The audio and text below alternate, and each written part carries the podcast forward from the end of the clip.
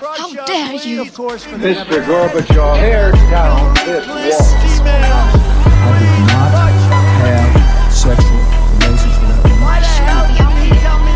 Read my lips. Hell yes, we're gonna take your AR-15. Well, it's your waiting AK. out. I have a dream. Thank you. 11. september eh, 2023 eh, var jo eh, Ja, Harald, altså demokratiets festdag, så jeg er mange som har eh, har mange, mange, mange som har eh, omtalt det som. Men de, vi får i hvert fall, hadde i hvert fall kommune- og fylkestingsvalg. Um, det er jo på en måte det lillebroren til, eh, til stortingsvalget, sjølsagt. Men, uh, men det er jo viktig. Det foregår jo mye viktig lokalpolitikk uh, rundt omkring i Norge. Og um, for regjeringas del så er det jo en slags Man tar jo en slags temperatur egentlig på det politiske Norge, og det er jo en slags enten en validering eller en slakt av kanskje av regjeringens arbeid, og opposisjonen kan jo få vind i seilene. Og, men ellers så preges jo også eh, lokalvalgene av mye spesielle eller, og interessepartier, lokale partier, og det er jo, det er jo, eh, er jo fint å, å, å få med seg. Og så så jeg at eh, i dag at det var noen som påpekte på Twitter at eh, dekningen til riksmediene hadde vært veldig mye eh, rikspolitikernes oppfatning av lokalvalget, og det mente han egentlig var feil, fordi at det er jo lokalvalg. eh, Og det er jeg egentlig helt enig i, så vi, eh, vi, eh, vi, vi skal snakke litt om det overordnede nasjonale, med Harald, men ellers så går vi jo inn på en måte i de områdene som vi hører til. Som er mest nærliggende da, i, i det som fortsatt er Viken, men som nå er Buskerud og, og Østfold særlig, som er litt spennende. Og det har jo skjedd en del spennende ting der òg, men jeg tenker vi kunne jo bare starte med litt det der overordna bildet, egentlig.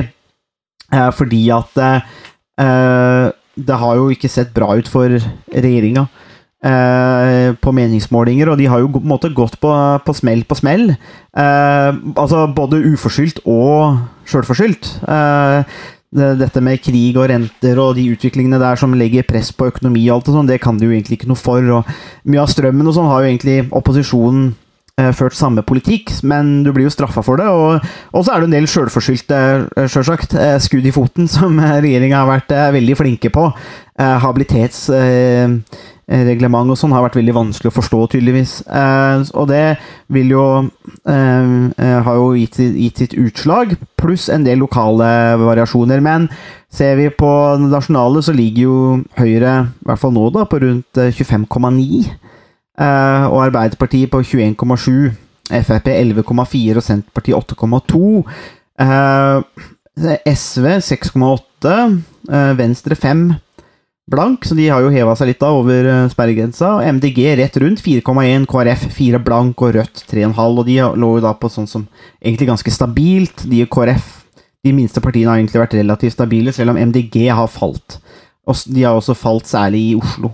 Eh, og det er jo verdt å merke seg, egentlig. Så det at det har skjedd noe med MDG, det kan nok, uh, kan nok stemme. Men jeg tenker, eh, i hvert fall var mitt inntrykk, Harald, da jeg så på valget, eller når da de første prognosene kom, og vi så valgresultatet, at jeg hadde nok trodd at uh, regjeringa, hvis, hvis vi ser på det sånn, da, at Senterpartiet Ap skulle bli hardere straffa. Jeg, tror, jeg tror at man i Ap frykta under 20. Eh, 21,7 er et elendig valg eh, for Arbeiderpartiet sånn historisk sammenheng. Og eh, man har jo en partiledelse i dag i Arbeiderpartiet som eh, man må, må, må kunne si må, må, jo eh, skamme seg hvis man er, eh, hvis man er arbeiderpartist. Eh, så må man jo tenke at dagens ledelse må jo skamme seg over å ha levert så dårlig resultat. Eh, og det er jo det for første gang er det nesten på 100 år at eh, Høyre eller et annet parti er større enn Arbeiderpartiet i Norge. Og det er jo, det er jo historisk det for Stenseng og Støre og, eh, og de andre i partiledelsen at de regjerer, over- regjerer over et synkende skip, så da må de kanskje ta til seg noen harde lærdommer om hvordan de styrer den skuta. Men jeg tror likevel at for regjeringa så, så tror jeg de frykta større. Eh, For Senterpartiet, altså la oss si at du får 8,2, historisk sett ikke noe dårlig resultat for Senterpartiet egentlig. altså De hadde litt mer ved forrige valg, men, men historisk sett ikke så gærent. Det er For Arbeiderpartiet det er virkelig krise, men jeg tror, hvis jeg hadde sittet i regjeringa, at jeg hadde tenkt at eh, hvis det her er dommen etter to år med veldig mye motgang, både for- sjølforskyldt og uforskyldt, så tenker jeg at hvis jeg hadde vært i regjeringa, så hadde jeg tenkt at ok, her, nå har vi faktisk en reell sjanse på å snu skuta de to siste årene hvis vi unngår eh, trøbbel. Det er en blå Det er en, det er en, en vending mot, uh, mot Høyre og Frp, men ikke så mye som jeg kanskje hadde trodd, da. Ja, jeg jeg er helt enig i det. Eh, Du, eh, du har sagt så langt. Jeg, jeg, jeg tror Arbeiderpartiet kan være ganske fornøyd, eh, tross alt. Eh, for utgangspunktet har vært ganske, ganske håpløst og ganske vanskelig. Og med alle de skandalene som, eh, man har, som de har måttet håndtere de siste ukene og månedene, så, så har det vært, eh, vært en ganske tøff, eh, ganske tøff valgkamp. Og jeg tror på en måte at man også kan si at nå er liksom Arbeiderpartiet, som er, har vært ørnen i norsk politikk, på en måte gått, gått litt inn for eh, en nødlanding også. De, det kan nok hende at den nedgangen som vi har sett nå, det er jo en nedgang som man har sett gjennom flere valg helt siden 20, 2015, at det er et, eh, et tegn på at Arbeiderpartiets storhetstid eh, i norsk politikk også er, eh, er over. Og det er jo kanskje Det er jo Jens Arup Seip som, som først kom opp med den formuleringen om Arbeiderpartiet som politikkens ørn i Norge. Eh, Etter at han eh, beskrev eh, først embetsmannsstaten på 1800-tallet, og så flerpartistaten fra 1884 og frem til, til 1930. Eh, Og så den såkalte ettpartistaten, som var Arbeiderpartiets Arbeiderpartistaten, og hvor Arbeiderpartiet var så dominerende at det var som en ørn over de andre, andre partiene. Og det vi ser nå, er jo en, over flere valg en gradvis, eh, gradvis nedgang. og jeg tror kanskje også det henger, henger sammen med hvilke koalisjoner og hvilke grupper Arbeiderpartiet har henvendt seg til, både historisk og også hvilke grupper de eh, må henvende seg til, eh, til i dag eh, for å nå ut eh, til velgerne. Og det, de gruppene som tradisjonelt sett har vært veldig viktige for Arbeiderpartiet, har jo vært har jo vært eh, industriarbeidere, ansatte i bygg, anlegg, eh, mange av de som på en måte har hatt jobber innenfor industriproduksjon.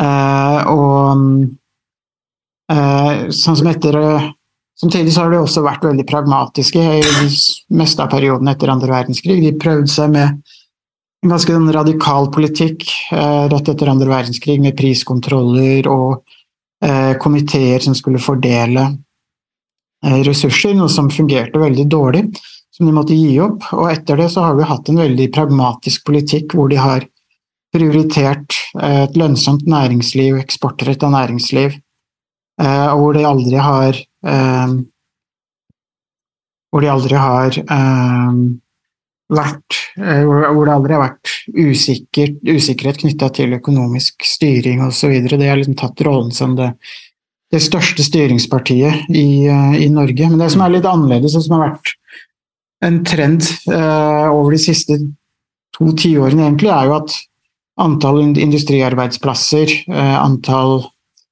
Betydningen av bygg og anlegg har blitt mindre eh, for Arbeiderpartiet. Eh, Og eh, de har i større grad gitt eh, fridd til grupper innenfor, som jobber innenfor offentlig sektor. Mm. Og også velgere med innvandrerbakgrunn. Og det er en annen velgergruppe, alle andre velgergrupper enn de tradisjonelle industri, industrivelgerne. Mm. Og jeg, jeg tror kanskje at um, utfordringen her er at de, de har kanskje nedprioritert noen av de tradisjonelle eh, gruppene som industriarbeidere. Og det er også noe vi har sett både internt i eh, LO og Arbeiderpartiet, hvor man har hatt eh, en del store debatter om hvordan man skal løse, eller hvordan man skal forholde seg til klimatiltak osv. Mm. Eh, og så har kanskje den spagaten blitt litt, litt vanskelig å holde, det å fri til både Mm. Velgere med innvandrerbakgrunn, eh, velgere som jobber innenfor offentlig sektor, og de som jobber i eksportretta næringsliv. Mm. Eh, Og da kanskje i den, eh, den kampen så har kanskje de som jobber innenfor industrien til en viss grad blitt litt um, nedprioritert. Sjøl om, selv om det er gryteklare reformer.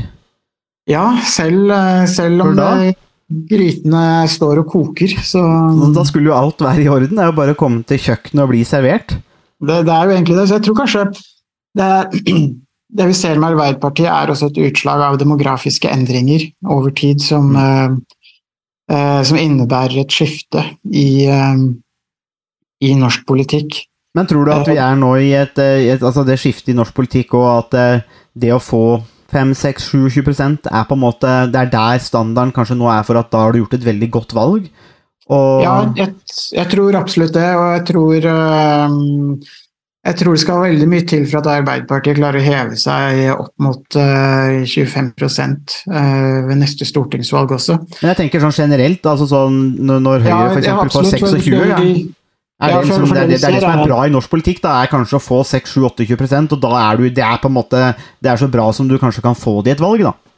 Ja, jeg tror absolutt det. Jeg tror det gjelder for Høyre også. og Høyre kan kanskje glede seg over at det er blitt det største partiet, men øh, utfordringen for Høyre er at øh, når de skal styre både i kommunene og øh, på nasjonalt nivå, med en så bred koalisjon som det de må, sammen med Venstre, KrF, Frp, og lokalt ofte forskjellige lister, eventuelt Industri- og Næringspartiet, Pensjonistpartiet osv., så, blir det vanskelig å finne styringsdyktige koalisjoner. Jeg tror det er også noe vi kommer til å se eh, ved neste stortingsvalg.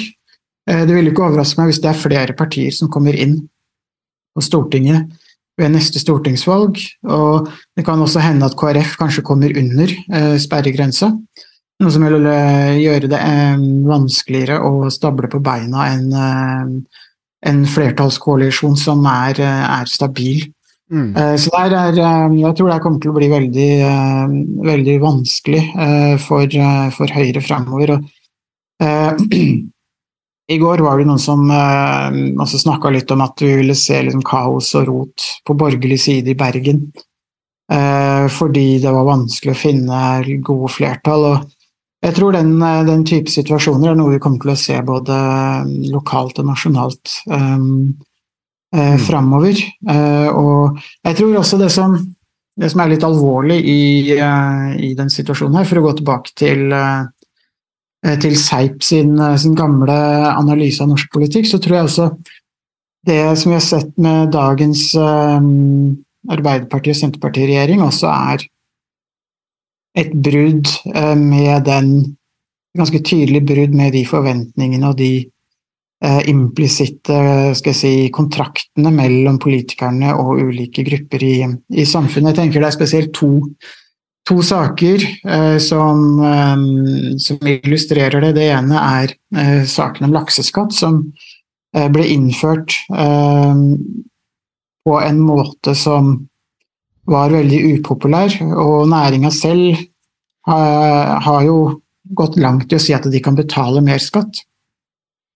Eh, Mens det de, eh, det de reagerte på, var eh, både måten den ble innført på, og prosessen rundt. Mm. Og det at et, en skatt skal ha tilbakevirkende kraft, er jo et, egentlig et ganske tydelig brudd på det man tenker på som klare rettsstatsprinsipper.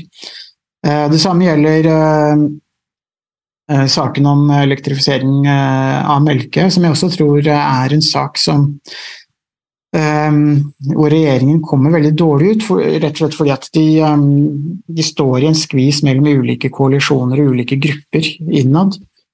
Uh, Hvor uh, målet, eller hvor forventningen om å nå noen av målene knytta til klimautslipp uh, ble prioritert over, over eh, andre hensyn.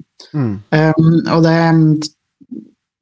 har resultert i et nettotap, spesielt for Arbeiderpartiet, som jeg tror de, um, tror de kommer til å kommer til å tape, tape på totalt sett. Uh, så kan man jo også si at uh, alle de sakene om formuesskatt og milliardærer som har flyttet til Sveits, er også et tegn på at den, den implisitte kontrakten mellom arbeid og kapital er brutt. Eh, og at en del av de som har bygd opp store bedrifter, eh, opplever at de, um, de har blitt skvist ut til fordel for de som eh, jobber i offentlig sektor og som ikke er så opptatt av lønnsomme industriarbeidsplasser, eksport, eh, som det um, tradisjonelle, de tradisjonelle industriarbeiderne er. Så det er på en måte et, eh, et uttrykk for at vi har fått en ny politisk uh, virkelighet, uh, hvor eh, eh, Arbeiderpartiet har eh, gitt fra seg eh, hegemoniet i, eh, i norsk politikk, og også har gjort, eh, gjennomført noen eh, vedtak og iverksatt en politikk som, eh, eh, som egentlig bryter med det som har vært eh, konsensus og det som har vært eh, måten Arbeiderpartiet har styrt på Mm. eh, i hele etter, eh, etterkrigsperioden. Mm. Eh, Så, og Serp knytter jo f.eks. Eh, sin analyse veldig tydelig til den type brudd på f.eks. rettsstatsprinsippene, og refererer til hvordan Grunnloven har blitt tolka og forstått eh, under de, de tre regimene som han skrev om. eh, og to revolusjonene han eh, omtalte som eh, 1884, eh, innføringen av parlamentarismen og overgangen til, eh, til Arbeiderpartistaten senere på 30-tallet, spesielt etter andre verdenskrig. Så jeg tror kanskje vi er vitne til noe lignende. Og så tenker jeg at eh, i hvert fall på et overordnet nivå, før vi går til det som er viktig her, lokalvalg òg, og det tenker jeg òg at eh, på en måte så er jo et Arbeiderparti blir jo også på en måte gjenstand, eller, eller offer for sin egen suksess, tenker jeg, fordi at du har så mange år med dominans, og det tiltrekker seg også mange typer som jeg vil anta kun er i Arbeiderpartiet, fordi at det er en rask måte å komme seg til makt på, og dermed bygge en karriere og tjene mye penger og, og bruke den innflytelsen du har fått via partiet. Eh, og at det er mange som er der òg. Jeg tror kanskje derfor at eh, de også ender opp i en situasjon hvor Jeg har lyst til å si de politiske talentene mangler jo i, partiet, og det ser man jo òg. Fordi at eh, hvis man har gjort en noe, noe form for samvittighetsfull jobb, og de kravene som stilles til veldig mange andre vanlige arbeidstakere, så hadde jo mange av disse feilene vært unngått. Eh, så, så jeg, jeg, jeg, vil, vil, jeg tenker meg liksom at ja, du, er, du blir litt offer for egen suksess òg, fordi at når du blir det kjøretøyet som er raskest eh, en rask, Som gir den raskeste veien til makt og innflytelse og potensielt gode jobber, ja, da tiltrekker du også mange typer eh, av den der. Mens i, mens i starten så ville du fått mange flere idealister, folk som kom fra arbeidslivet, som hadde den erfaringen. Men der er ikke partiet lenger, eh, slik at du sliter med det, og da er det veldig vanskelig å resonnere. Komme med budskap som resonnerer blant folk. og det, det, Så det jeg tenker at det er liksom off, litt offer der. Men det er overordna. La oss starte i eh, La oss starte i Østfold, Harald. Uh, ditt fylke, uh, og for så vidt uh, mitt òg. Det er jo der vi jobber. Høyre størst, uh, 27% Arbeiderpartiet 25,2 og så er det et godt stykke ned til Frp egentlig på 13 og Senterpartiet på 7. Og litt rundt der, men hva vil du si om Onsteon en, en, um, 52,9 som stemte, prosent som stemte, så det er egentlig relativt lavt stemmeprosent her. Men hva vil du si om, om, Hvis vi starter først kanskje med Østfold Du kan jo velge hvor du vil starte. Vi må jo snakke om Halden, sjølsagt, litt sånn spesifikt, for det er jo på en måte byen, byen vår der. Men hva vil du si om Østfold sånn generelt? Ja, generelt så, om Østfold så, så speiler jo um, fylket de nasjonale trendene ganske, ganske, ganske godt, egentlig. Uh, Høyre og Frp gjør det jo litt bedre nasjonalt, og det gjør også Arbeiderpartiet. De ligger jo høyere nasjonalt, eller høyere i Østfold enn det de gjør nasjonalt. Så det, det, det er litt interessant å se hvordan Høyre har klart å bli det største partiet i et tradisjonelt arbeiderpartifylke som Østfold har vært veldig lenge. Mm. Og du var inne på uh, oppslutningen om valget, som er, ganske, uh, som er ganske lav. Og der har jo Østfold en god tradisjon for å være blant de fylkene med lavest valgdeltakelse. Mm. Hvorfor, hvorfor, det er sånn, har det jo blitt sagt og skrevet, skrevet mye, mye, om. Men hvis vi ser til på, på noen av byene, så, så, ser man også det samme. Høyre går igjen som den klare, klare, vinneren. Og det som kanskje er mest oppsiktsvekkende, er jo at det ser ut til at Arbeiderpartiet mister makten i Sarpsborg etter 110 år. Og um, det er jo et litt, et litt oppsiktsvekkende resultat, selv om Arbeiderpartiet fortsatt er den, eh, det største partiet i, eh, i Sarpsborg. Eh, Så mange vil jo kanskje kunne si at det, etter 110 år med Arbeiderpartistyret, så er det på tide med et bytte, og det kan man jo i og for seg være enig i, men samtidig så har jo et ganske stort flertall og et ganske, ganske stor andel av befolkningen i Sarpsborg over veldig lang tid hatt et ønske om eh, Arbeiderpartistyre, så man kan jo ikke si at det er, eh, nødvendigvis har vært udemokratisk at eh, Arbeiderpartiet har styrt eh, en så lang periode. Og det er jo også et uttrykk for at Sarpsborg er en tradisjonelt har vært en veldig sterk industriby. Mm. Og noe av det skiftet som vi ser i, i byene i Østfold, hvor Høyre går, går frem, og Arbeiderpartiet tilbake, er jo også et uttrykk for eh, den, de koalisjonene og de gruppene som Arbeiderpartiet må henvende seg til eh, for å, for å skape eh, brede eh, koalisjoner internt eh, som, kan, eh, som gjør at de kan oppnå stor eh, en, eller en, en høy eh, oppslutning i, i valget. Så man ser at de um, Arbeiderpartiet slår sprekker både lokalt og nasjonalt. Man kan jo, uh, kan kanskje si at uh, Tradisjonelt så har jo statsvitere alltid sagt at lokalvalg speiler de nasjonale trendene. Men man kan også kanskje snu på det litt etter det valget her og si at de lokale trendene som vi ser nå, også vil speile det nasjonale den nasjonale politikken ved neste stortingsvalg. Eh, For det vi ser i, i mange Østfold-kommuner, og spesielt eh, bykommunene, er jo at det er mange små partier som får en viss eh, oppslutning. Alt fra lokale lister eh, til Pensjonistpartiet, INP. Næringspartiet. Mm. eh, sammen med de tradisjonelle sentrumspartiene som KrF og, og Venstre. Eh, og summen av det innebærer, eh, som vi også var inne på, at selv om Høyre kan vinne um, makt i mange av byene, så er det veldig uklart hvordan de eh, vil kunne skape styringsdyktige flertall.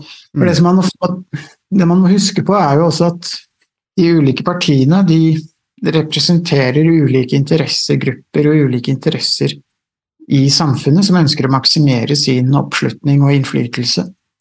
Mm. Det, det gjør også at mange av de gruppene, mange av de små partiene, vil uh, utnytte den forhandlingsposisjonen uh, maksimalt i forhandlingene framover. Og det kan være veldig, veldig svart, smertefullt for både Høyre og Frp, eh, som er de to største partiene på, på høyresiden. Mm. Så jeg tror vi, tror vi er, kommer til å være i en, en litt, eh, litt annen situasjon eh, enn det vi har eh, sett i Østfold tidligere, hvor Arbeiderpartistyret, et relativt stabilt Arbeiderpartistyre, har vært et, et sikkert kjennetegn på den politiske situasjonen i mange av bykommunene. Og nå blir det garantert litt, litt annerledes. Mm. Det er jo Vi kan jo bare ta en rask kikk eksempel til Halden, da, hvor arbeidsplassen vår ligger, og du bor, Harald. Så, så er det jo hele ti partier som ligger inne nå i det kommunestyret.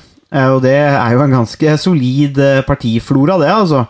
Eh, og, og når man ser på representantene og hvordan det fordeles, så ser man jo, og, så ser man jo at dette er jo nødt til å bli ganske herlig koalisjonsbygging hvis man skal få til noe. Altså, det er jo Altså, Høyre fikk jo 27,4, eh, og Arbeiderpartiet 20,4. og Arbeiderpartiet henta seg jo litt opp i Halden etter Og det, det er jo også et eh, Hva skal vi si Arbeiderpartiet i Halden nå har jo skjøt seg også sjøl i foten og på en måte regjerte vel litt i byen.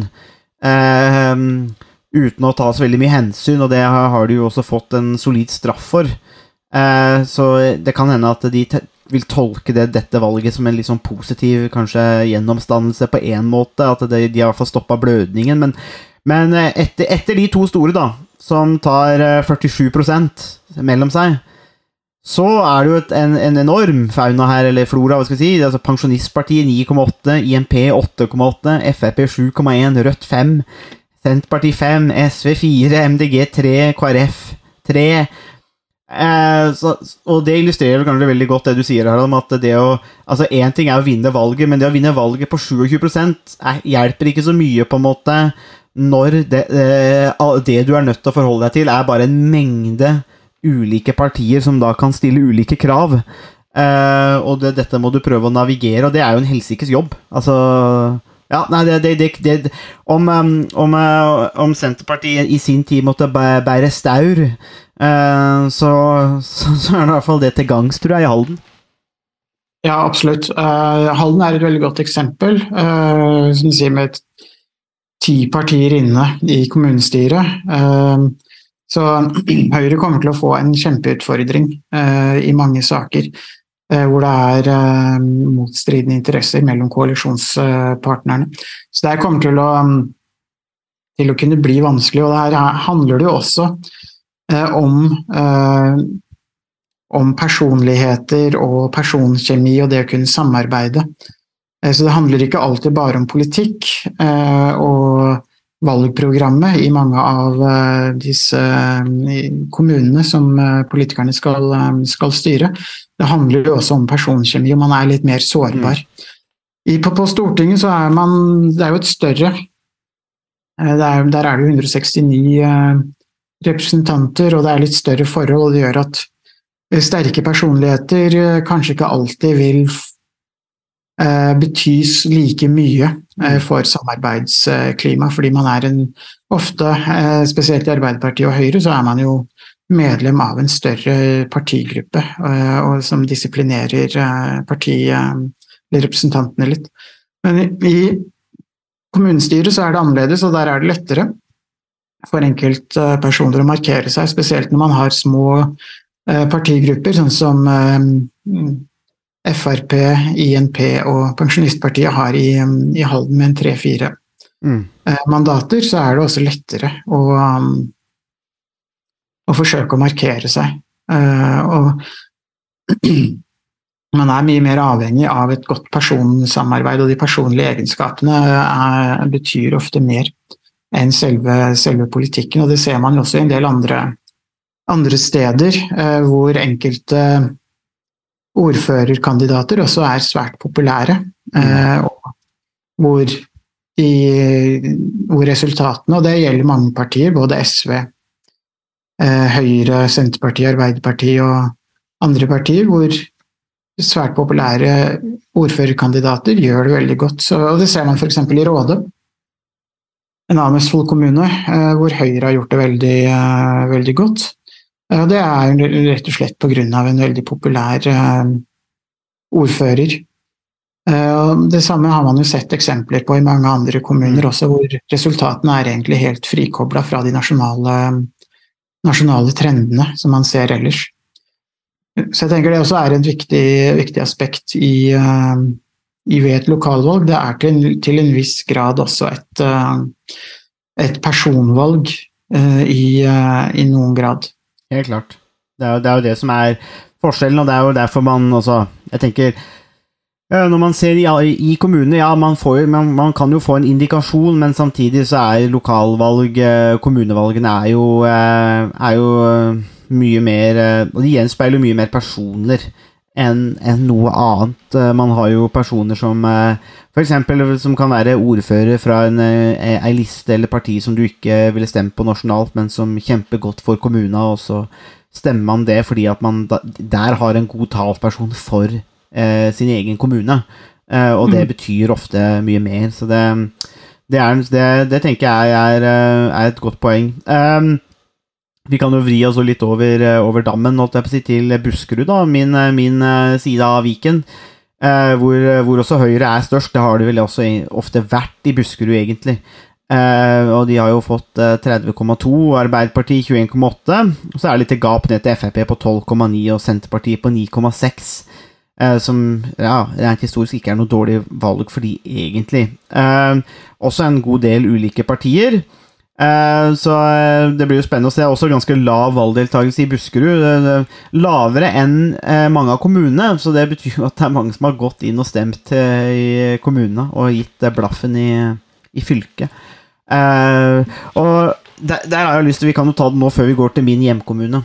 Nesbyen, men jeg tenker eh, Senterpartiet har jo gjort det til en stor sak i, eh, i regjering så langt å reversere Viken. Eh, og vi har jo sett fra mange Senterpartipolitikere, særlig i Viken og Buskerud, at eh, reverseringen har vært veldig viktig, og man har antatt at eh, det kommer til å gi utslag eh, på, i valget. Jeg, jeg har alltid vært av den oppfatningen når man så hvordan de to siste årene har vært, altså etter pandemi, men også med krig og inflasjon, at eh, jeg, jeg, jeg har alltid tenkt at uh, jeg, velgerne Mitt inntrykk er at velgerne har glemt Viken. Altså, det er en håpløs politisk konstruksjon. Vi må la oss ikke glemme at det var et slags politisk makkverk. Men når det kom i praksis, så betydde det ikke så fryktelig mye for folk. Uh, og man har ikke brydd seg. Jeg har ikke brydd meg noe mer om Viken. Jeg syns prosessen var rar, men det har ikke brydd meg noe som helst. Og vel, valgmessig så kunne jeg ikke brydd meg mindre, nesten. Uh, og jeg tror mange har det sånn. Og så har Senterpartiet gjort det til en viktig sak å få reversert Viken, lagt politisk prestisje i det. Og der tenker jeg det er litt todelt. Jeg, jeg, jeg, på en måte syns jeg de skal ha kudos for at de faktisk har oppfylt noe de mente var viktig da de gikk til valg, og velgerne ga de jo et stort mandat. Og de har brukt den makta til å reversere Viken, så sånn sett så har de jo stått på det de sa. Eh, så man, skal, man, kan jo egentlig ikke kritisere Senterpartiet med Viken eh, for at de holder det de lover, for det er i hvert fall noe. Eh, og det er jo verdt en del å holde det du lover, og du har gjort det til en viktig sak.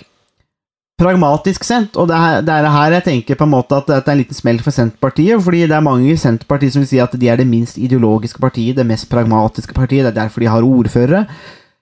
Vel, da kunne man kanskje vært litt mer pragmatisk når det kom til Viken, tror jeg, og forsøkt å bruke den politiske kapitalen, eller den tyngden der, på å oppnå noe annet. Og hvis vi skal tolke resultatene Harald, i både Østfold, men også Buskerud og til dels Akershus, så vet jeg ikke om eh, Da tror jeg rett og slett man har bomma på å gjøre den saken så viktig. Eh, jeg tror ikke man har fått betalt for reversering av Viken i det hele tatt, og man eh, man har forhandla seg og reversert Altså, man har reversert seg fra makt til å komme i opposisjon, og det kan jeg ikke se for meg er noe bra. Og i Buskerud så har aldri Senterpartiet hatt en posisjon til å få mye makt. Det har vært Arbeiderpartiet og Høyre som er størst, og Høyre er tradisjonelt mye større i Buskerud. Så jeg skjønner liksom ikke helt hvorfor de har eh, gjort så mye det her. Fordi at eh, man har på en måte reversert seg tilbake til å bli eh, mer eller mindre irrelevante da, i Buskerud.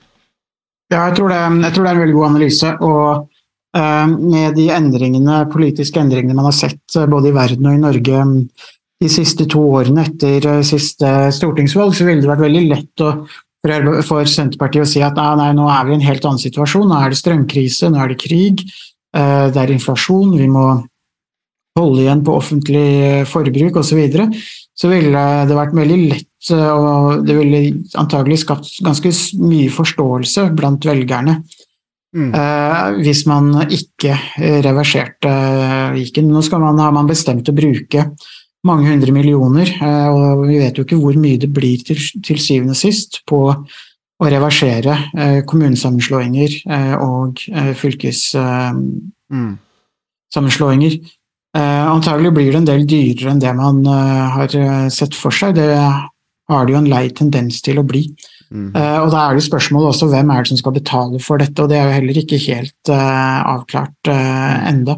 Så Senterpartiet har eh, valgt seg en veldig dårlig sak. De kunne brukt den milliarden, eller hva det vil koste, med reversering av kommunesammenslåinger og fylkeskommuner, på helt andre ting som kunne gitt mye mer eh, uttelling for velgerne. Og det er jo, som du også var inne på, det er ingen som våkner opp om morgenen og tenker på hva eh, fylkeskommunen betyr for dem. Nei. Fylkeskommunen er en del av det politiske maskineriet i Norge som egentlig ikke tilfører så veldig mye. Mm. Eh, kommunene spiller en viktig rolle i mange spørsmål, det samme gjør Stortinget.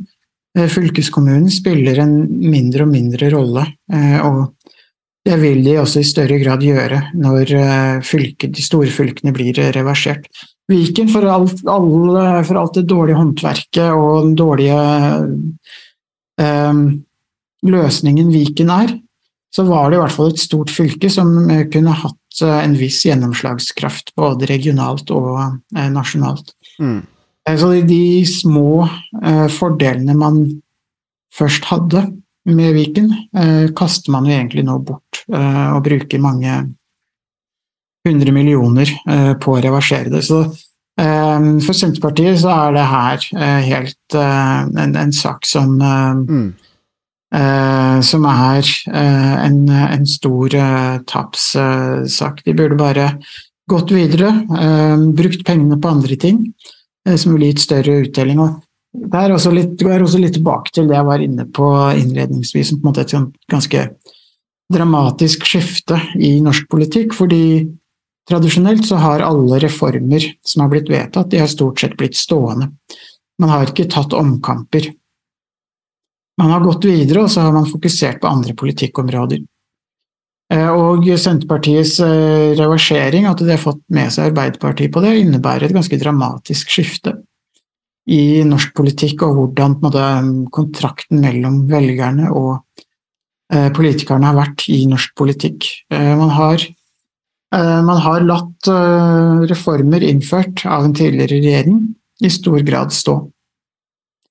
Eh, Så Senterpartiet er også her med på, sammen med Arbeiderpartiet, å bryte den sedvanen som eh, man eh, til en viss grad kan snakke om i, i norsk politikk. Og Det er også litt, litt dramatisk, og de gjør det på en sak som er en tapssak for, for partiet. Det er det. altså jeg synes jo, altså Det er jo en ærlig sak, egentlig, å, å, å, å gå for det. Og jeg syns jo at det skal gis ros, for så vidt, for å holde det du lover. altså, Og at man er såpass idealistisk på det. og og det, det, det er på en måte på en måte bra. eh, Da kan du i hvert fall gå til velgerne og si at eh, vi, vi gjorde det vi på en måte sa vi skulle gjøre. I hvert fall noe av det. da, De sa jo veldig mye mer i forrige valgkamp, men i hvert fall det, da.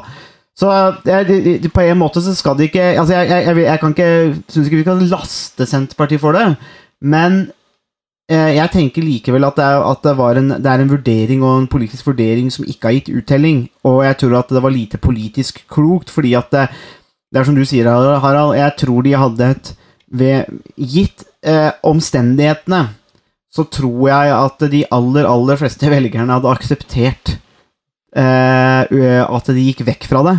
Ah, fordi at de, si, de sosioøkonomiske omstendighetene er annerledes. Eh, og vi må bruke penger på andre ting. Og jeg tror hvis man hadde la oss si, brukt 500 millioner da, eller en milliard, eller hva det koster, på noe annet som eh, var direkte retta mot noen andre tiltak, så, så tror jeg at eh, velgerne hadde belønna mer for det. Jeg tror de fortsatt hadde gjort et litt dårligere valg enn det de gjorde sist, men, men jeg tror tapet hadde vært mindre, og man kunne brukt mer penger på gode tiltak. Eh, dette her er jo på en måte tiltak som ikke hever folks livskvalitet noe. Altså, det har, det har null og niks å si for livskvaliteten eh, til folk, men hadde du brukt 500 millioner på et eller annet annet ting, om du hadde eh, kommet lenger, la oss si, på, på Ringeriksbanen, eller du hadde kommet, fått gjort et eller annet med Østfoldbanen, eller du hadde gjort noe med noen sykehus eller skoler, altså, altså et eller annet, så hadde du kunnet mer konkret vist folk eh, hva du gjorde. Det her, så det her tenker jeg var en, en dårlig vurdering, og nå skal du jo når vi snakker om Senterpartiet og de, disse tingene, da, så veit jo de lytterne som har vært med oss en stund, at eh, kona er jo med i Senterpartiet og har jo da kommet inn på lista til eh, i Buskerud for, eh, for Senterpartiet. Så, men da kan i hvert fall lytterne være trygge på at uh, vi har akkurat den samme, samme samtalen uh, hjemme. Uh, og jeg står like hardt på mitt der at det er en elendig politisk vurdering. Eh, men da kan vi jo ta oss da til Nesbyen, som er min hjemkommune, hvor faktisk Senterpartiet ble det største partiet, så her gikk de da mot, mot trenden og gjorde sitt beste valg noensinne. Eh, det beste valget var vel fra 07, da de hadde 27 eh, Og før de siste Det er vel noen poststemmer muligens som fortsatt gjenstår å telles, men det er vel ikke så fryktelig mange. Eh, så, er, så er Senterpartiet størst da med 30,8 Arbeiderpartiet 30,4 og Høyre 30,1. Og det er bare ett parti igjen, og det er Bygdelista, som fikk 8,8. Eh, litt merkelig situasjon egentlig Nesbyen, med bare fire partier, og så får du tre like store partier. Eh, den store taperen her var jo Bygdelista, eh, som eh, er satt sammen av folk fra litt ulike partier, egentlig. Og de hadde en ordfører som var relativt eh, populær. Det har vært mye bråk i Nesbyen. Eh, Arbeiderpartiet er jo tradisjonelt sett det største partiet. Altså Går man tilbake til 70-tallet, så hadde Arbeiderpartiet oppi 50% i Nesbyen. Og eh, potens velgerpotensialet i Nesbyen er, til Arbeiderpartiet ligger alltid mellom 30 og 40% Så historisk sett så er det egentlig et dårlig valg av Arbeiderpartiet. Selv om de gikk fram 16,9 fra forrige valg. Eh, det forklares jo fordi at det har vært mye personkonflikter og en del usmakelige konflikter og sånn, som gjorde at folk belønna Det var egentlig protestvalg ved forrige valg, da, altså. Eh, som gjorde at bydelista fikk mange, fordi at de måtte ha folk som kunne oppføre seg. Det ser ut som at det har ført til en solid korreks, og så har velgerne måttet gå tilbake til de partiene de egentlig stemmer på, da. Så, men det er jo interessant. eh, Så der er jo, må så lytterne veit, nå, som vi snakker om habilitet, så er jo kona da inne på andreplass der i Senterpartiet òg. Så der gjorde de et bedre valg. Eh, Og det, det som er litt spennende, da, i Nesbyen, er jo det at eh, Senterpartiet, til tross for at det går ned overalt, så går, stort sett, så går det veldig fram i Nesbyen, og det har med motstand mot hyttebygging og nedbygging av natur å gjøre. Eh, og så er det Ap og Høyre som er eh, et sted midt imellom. Høyre er nok mye mer positive, Ap er et sted midt imellom, og så ser man at velgerne har fordelt seg veldig eh, i, i noen blokker der, og det er jo egentlig litt interessant. Eh, så der får man eh, noen sånne litt sånn skarpe konflikter der, egentlig. Men, eh, men sjøl prosentene, da, så er det jo interessant, for det, stem, det skiller altså seks stemmer mellom Arbeiderpartiet og Senterpartiet, og tolv stemmer eh, mellom Høyre og Senterpartiet, så det er jo, det er jo fryktelig, fryktelig jevnt, da. Eh, så det er jo det er spennende. Eh, Det er også veldig interessant med kommuner som, som Nesbyen, hvor det er relativt få lister som, eller partier som stiller til valg, for da får man også resultater som skiller seg i veldig stor grad Ja. fra nasjonale, de nasjonale trendene. Eh, Så det man ser i kommuner som, som Nesbyen, med tre like store partier omtrent, er jo at eh, det som er eh, trenden nasjonalt, eh, ikke har noen eh, betydning i, Ja. det, i det hele tatt. Det er helt andre spørsmål eh, som går mer på mm, Som du var inne på, noen av de eh, det som har vært altså, konfliktfylte En konfliktfylt situasjon, eh, personligheter som kan samarbeide, og hvor partiene straffes eh, litt eh, for eh, Mm. en del av de problemene som har vært, eh, som har, som har vært lokalt, og også hvor lokale saker som hyttebygging, nedbygging, eh, eh, er det dominerende, eller blir den dominerende saken, og den som blir den politiske konfliktlinjen. Mm. Og her ser vi også at i ulike kommuner så er det jo ulike konfliktlinjer, ulike politiske spørsmål som har betydning. Det er nettopp det. I Bergen så har det vært mye snakk om eh, Bybanen, eh, om den skal gå over Bryggen eller eh, ikke. Mm. Um, det har på en måte vært et, eh, et, skille, eh, et tydelig skille i politikken i, i Bergen. Eh, og i andre kommuner så er det jo andre saker som har, eh, som har splitta partiene, Mm. og hvor, det ikke er en, hvor partiene ikke nødvendigvis splittes etter en høyre-venstre-akse, men hvor det er eh, helt andre akser eller helt andre forhold som har, som har betydning, basert på de lokale spørsmålene og sakene.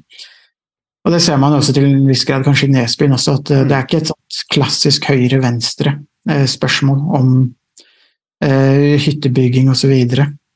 Mm. Eh, Det har litt andre, kanskje litt andre dimensjoner også, som, eh, som gjør at eh, eh, høyre-venstre-aksen oppheves litt i politikken. Mm. Ja, det gjør det, det helt klart. Så det er Vi får en del vridninger der, eller, og spesielle situasjoner. Derfor så er jo på en måte Og hvis man ser Jeg, tenker bare fylkesmessig òg, så ser man jo at valgdeltakelsen er relativt lav, men den pleier å være høyere på stortingsvalget. ikke sant? Så det er jo eh, Ja, sånn hvor, hvor er de prosentene? ikke sant? Altså 50 Det pleier å være flere som stemmer i Buskerud enn 50 eh, Så la oss si at 60 stemmer, da, eller 65 så måte, hvor går de velgerne? Eh, så det er veldig mye usikkerhet her og, når det er knytta til disse valgene. Så det, det er jo er uansett interessant å se på, men jeg tror liksom overordna så har vi jo fått med de viktigste tingene her. Men vi må jo snakke noe om disse dere andre partiene som kjemper i sumpa, for å si det sånn. Og det ehm, no, noe, som slo meg, egentlig, er, på, er jo, og det har jo slått flere òg, da, er jo på en måte MDGs litt fall eh, jevnt over, og særlig i byene. For der har det jo egentlig bare gått fra styrke til styrke i byene.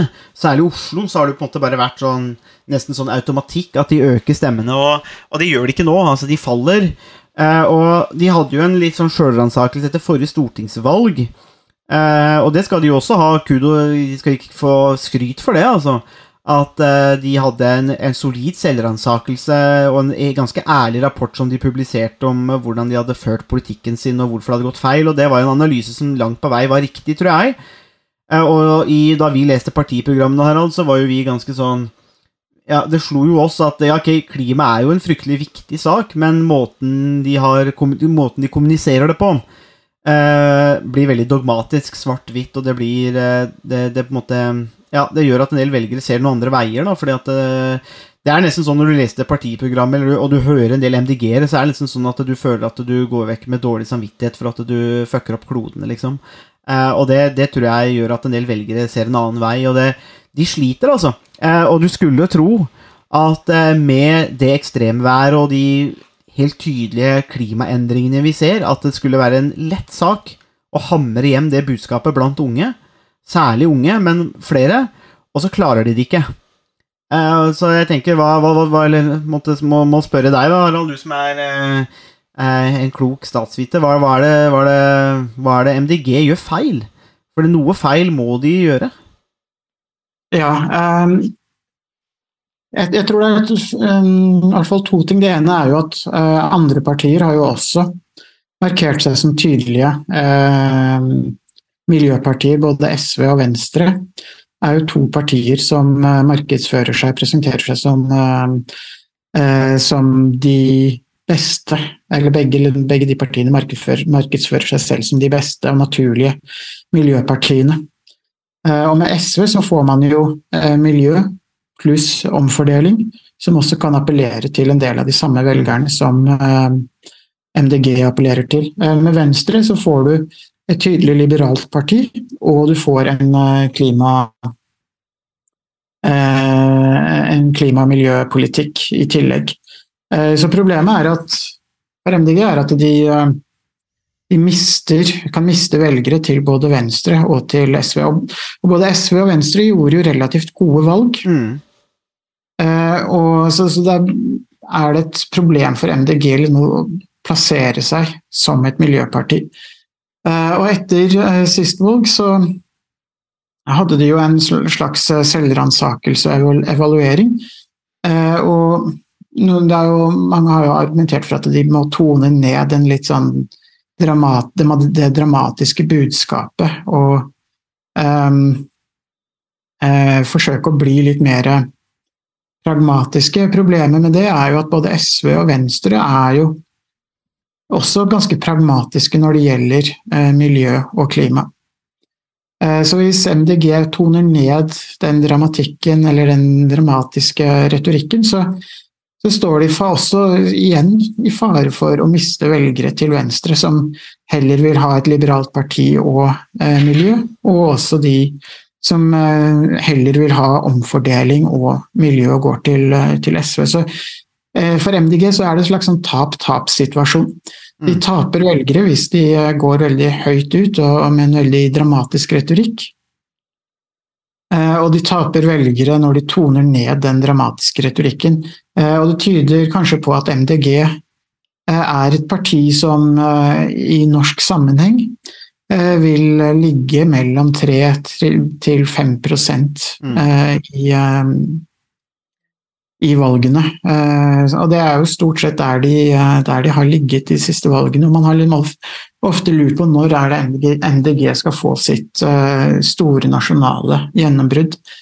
Og når de ikke har klart å få et nasjonalt gjennombrudd så langt, så er det kanskje mye som tyder på at de, de ikke vil få et stort nasjonalt gjennombrudd. De vil være et, et lite fløyparti, på samme måte som KrF og Venstre har vært det, og som eh, Industri- og Næringspartiet ser ut til kanskje å kunne bli uh, mm.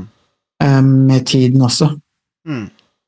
Nei, det er jo det det har på en måte ikke blitt den skillelinja eller den konfliktlinja som har mobilisert velgere. Det har det ikke blitt. og som du sier, det er jo flere partier som på en måte har eierskap til saken, men med en annen politikk og en annen historie, kanskje, og andre politikere òg. Altså, og det er jo på en måte Nei, så det er, det er en liten sånn eh, liten lei nøtt for de der. Uh, så de er jo nødt til å rekalibrere og gjøre et eller annet uh, framover hvis de har tenkt å forsøke å bli en, en, en maktfaktor, eller en Og det kan de jo bli, altså.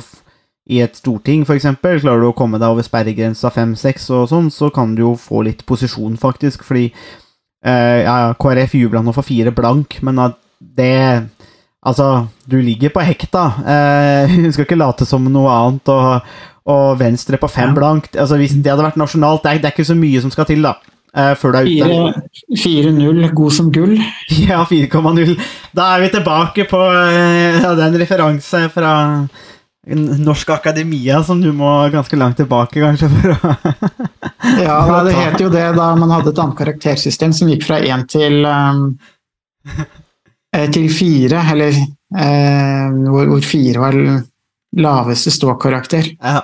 Det het jo det at hvis man fikk eh, 4-0, så eh, var det godt som gull. Var ikke, var ikke det ofte knytta til X-Fil? Og X-Fac, liksom, når man bare måtte komme seg gjennom, så var 4,0 god som gull. Det er, eh, det er, en, eh, det er en liten throwback der eh, til, til gode gamle dager i Norsk Akademia, skal vi si det sånn. Det var, nei, men, men det er det, altså det blir fryktelig jevnt. og en ting da, som jeg tenker er, er et, et annet problem for disse småpartiene, KrF tenker jeg på, og særlig Venstre, som har vært sentrumspartiene tradisjonelt i norsk politikk, det er det at Ja, nå, nå fikk du jo stilt noen lister igjen i, i, i, eh, i Hallingdal. Eh, Venstre gjorde det, og det kom noen småpartier tilbake. Men sånn som for KrFs del, da, så, så, så ser man jo at det forsvinner jo lokallag. Eh, og, det, og det forsvinner, og der går jo rekrutteringen og det lokale skal vi si, Rekrutteringen og politiske formidlingen. Og det tror jeg kanskje er det som kan knekke KrF og Venstre etter hvert. er at de, har, de får færre og færre eh, lokallag, og, og tilstedeværelsen lokalt eh, rundt omkring i Norge blir mindre. Eh, og, og det tror jeg kanskje kan ta knekken på de fram mot neste stortingsvalg òg. At du, du, du, du mobiliserer mindre. Og, og, og så tror jeg kanskje at eh, du kan få folk som stemmer f.eks. Venstre eller KrF kanskje noe steder lokalt, fordi at eh, ja, det er enkeltpersoner, det er miljøer som er populære, eller eh, noe sånt, men, men det betyr ikke at de velgerne nødvendigvis ville stemt de partiene nasjonalt.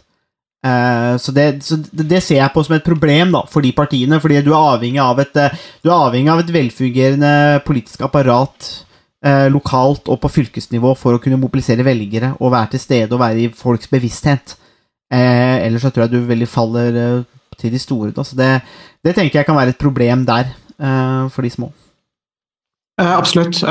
Venstre og SV vil kanskje trekke seg litt eh, til, eh, tilbake til eh, Sør-Vestlandet, som har vært den tradisjonelle, det tradisjonelle tyngdepunktet også for de to partiene. Og da eh, vil, de, eh, vil de kunne marginaliseres i resten av landet når de mister lokallag, og da blir de eh, da blir de rett og slett, eh, rett, og slett litt usynlige. Det er det det blir. Så det er, eh, men det er i hvert fall interessant. Er det noen andre ting vi burde tatt opp i vår gjennomgang? Av, vi har jo vært gjennom eh, våre, våre steder. Ja, nei, altså vi, vi har vært inne på jeg tror vi har vært inne på mange av de viktige Mm. trendene og en del av de de som kan forklare eh, nedgangen til Arbeiderpartiet og de resultatene vi, vi har sett. Jeg vil tippe at eh, det vil bli ganske mange spennende eh, lokale forhandlingsrunder Ja.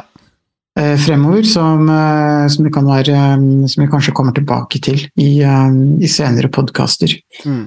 Eh, for å se hvordan disse partiene skal klare å, å stable på beina eh, brede nok og stabile koalisjoner. Mm. Og det er jo, er jo det som er interessant, og jeg tenker hvis man ser litt overordna på det òg, så tror jeg at det, det trenger ikke nødvendigvis være dårlig for regjeringen heller, fordi la oss si at man får stabla på plass noen eh, borgerlige koalisjoner i byene særlig. Eh, Men la oss si at det blir vanskelig, da. Altså, eller at det er vanskelig fordi at de må basere seg på mange småpartier. Og man får de tingene der. Så ville jeg tenkt at eh, det trenger ikke, det trenger ikke nødvendigvis være dumt for regjeringen, fordi at eh, da har man noe å slå, slå opposisjonen med til neste valg og si at ja, men se her, det, de har jo fått makta i en del byer, og se på det kaoset. Eh, se på alt det tullet. Og det, det, jeg sier ikke at det skjer, men jeg sier at eh, eh, For jeg er helt enig med deg, Harald. Når du får så mange småpartier som du skal prøve å navigere, det er ikke lett. Og det gjør jo at du får mange jokere, og der kan det være, være mange løse kanoner, og du må svelge kameler. og det er så, det, så Sånn sett er det ikke sikkert at det valget her er så dumt for regjeringas del, fordi at de kan eh, For hvis det ikke går Men hvis det går veldig bra i disse byene, da er det, da er det, da er det kjipt for regjeringa. Eh, For da kan heller eh, Erna og sånn stå, stå rundt og si at å, se, se så bra det går i Oslo, f.eks. Med borgerlig. Mye mer orden på byen, og ting går bra, og det er dette du får med oss i regjering. Så da kan jo de snu på det. Men hvordan det går, det tenker jeg er veldig åpent, fordi jeg òg tenker som deg, Harald, at når du Det verste er jo egentlig å havne i en posisjon eh, med et valgresultat hvor du er sånn halvvinner. Altså, du er det største partiet, men du har egentlig ikke nok stemmer til å tvinge gjennom en del ting. Du må, du må faktisk basere deg på andre. Det er egentlig den verste situasjonen å være i. Det er bedre å få så mye at du det er åpenbart på en måte hvem som legger premissene. Men er du rundt 27-25, så er det sånn Ja, da kan andre utmanøvrere deg, da. Eh, og det, det må du ta hensyn til, og da blir på en måte situasjonen annerledes. Så det, det tenker jeg kanskje kan gi litt spenning, da, eh, inn mot neste valg. Det, absolutt. Eh, Det, eh, det kan bli eh, mange eksempler på rot på borgerlig side som Arbeiderpartiet kan, kan peke på om, Mm. om to år og si at nå har vi fått eh, kaos og rot eh, både her og der. Mm. Eh, Skal man ha et stabilt styre, så må man stemme Arbeiderpartiet. Det kan være mm, Arbeiderpartiets strategi. Men vi vet jo ikke, vi vet jo ikke enda hvordan det går. Det kan jo også være noen eksempler på at samarbeidet går ganske knirkefritt på borgerlig side også, men med så stort spenn som det vi ser nå, så, så ligger det i hvert fall an til mye mer spenninger eh, og Mm. krysspress enn det vi har sett eh, tidligere. Det er, det er det det gjør. Så det kan være et utstillingsvindu som kan eh, gjøre at den borgerlige sida får medvind inn til neste valg. Eh, men det kan også slå andre veien. Så det, der er, det er ikke lett. Eh, så det, det er jo kanskje det som jeg tenker er mest spennende, fordi at det er så mye forskjellig. Og det, det veit vi jo, Harald, at rundt omkring i Norge, lokalt og fylke, så er det også ganske mange løse kanoner inn, innad i, i disse i, i disse mindre partiene, eh, som på en måte ikke tenker samme ja, har ikke samme konsekvenstenkning, tror jeg, og ikke samme fallhøyde på noen som helst måte, og, og har tatt den rolla, slik at det, det er kanskje mer uforutsigbart òg. Eh, enn det det er nasjonalt. slik at du eh, Det er ikke bare bare å skulle balansere disse tingene. Så det er det som gjør det litt ekstra spennende. Men det, det får vi se på, eh, hvordan det blir. Det er i hvert fall vår, eh, vår eh, valgdekning dagen derpå eh, i Norge. Eh, en, et bedre valg for den borgerlige sida, men som sagt, jeg, jeg synes kanskje en oppsummering er at det gir en indikasjon på et, et politisk Norge som er dominert av et, med mer flerparti, og ikke de aller største partiene lenger, men at det er en, mange flere partier som er jevnstore og, og, og relativt like, og det tenker jeg at det betyr at det er egentlig ganske åpent. Eh, på en måte som de kanskje ikke har vært i norsk politikk før. eh, hvem som på en måte er de største partiene. Og det er jo i seg sjøl egentlig ganske spennende. Da. Takk for at eh, du hørte på Statsvitenskap og sånt. Har du spørsmål, kommentarer eller tilbakemelding, så er det bare å ta kontakt på vår Facebook-side, per e-post eller brevdue. Musikken er som vanlig laget av Robin Horvath, og Mats Halvorsen mikser og redigerer podkasten. Vi høres!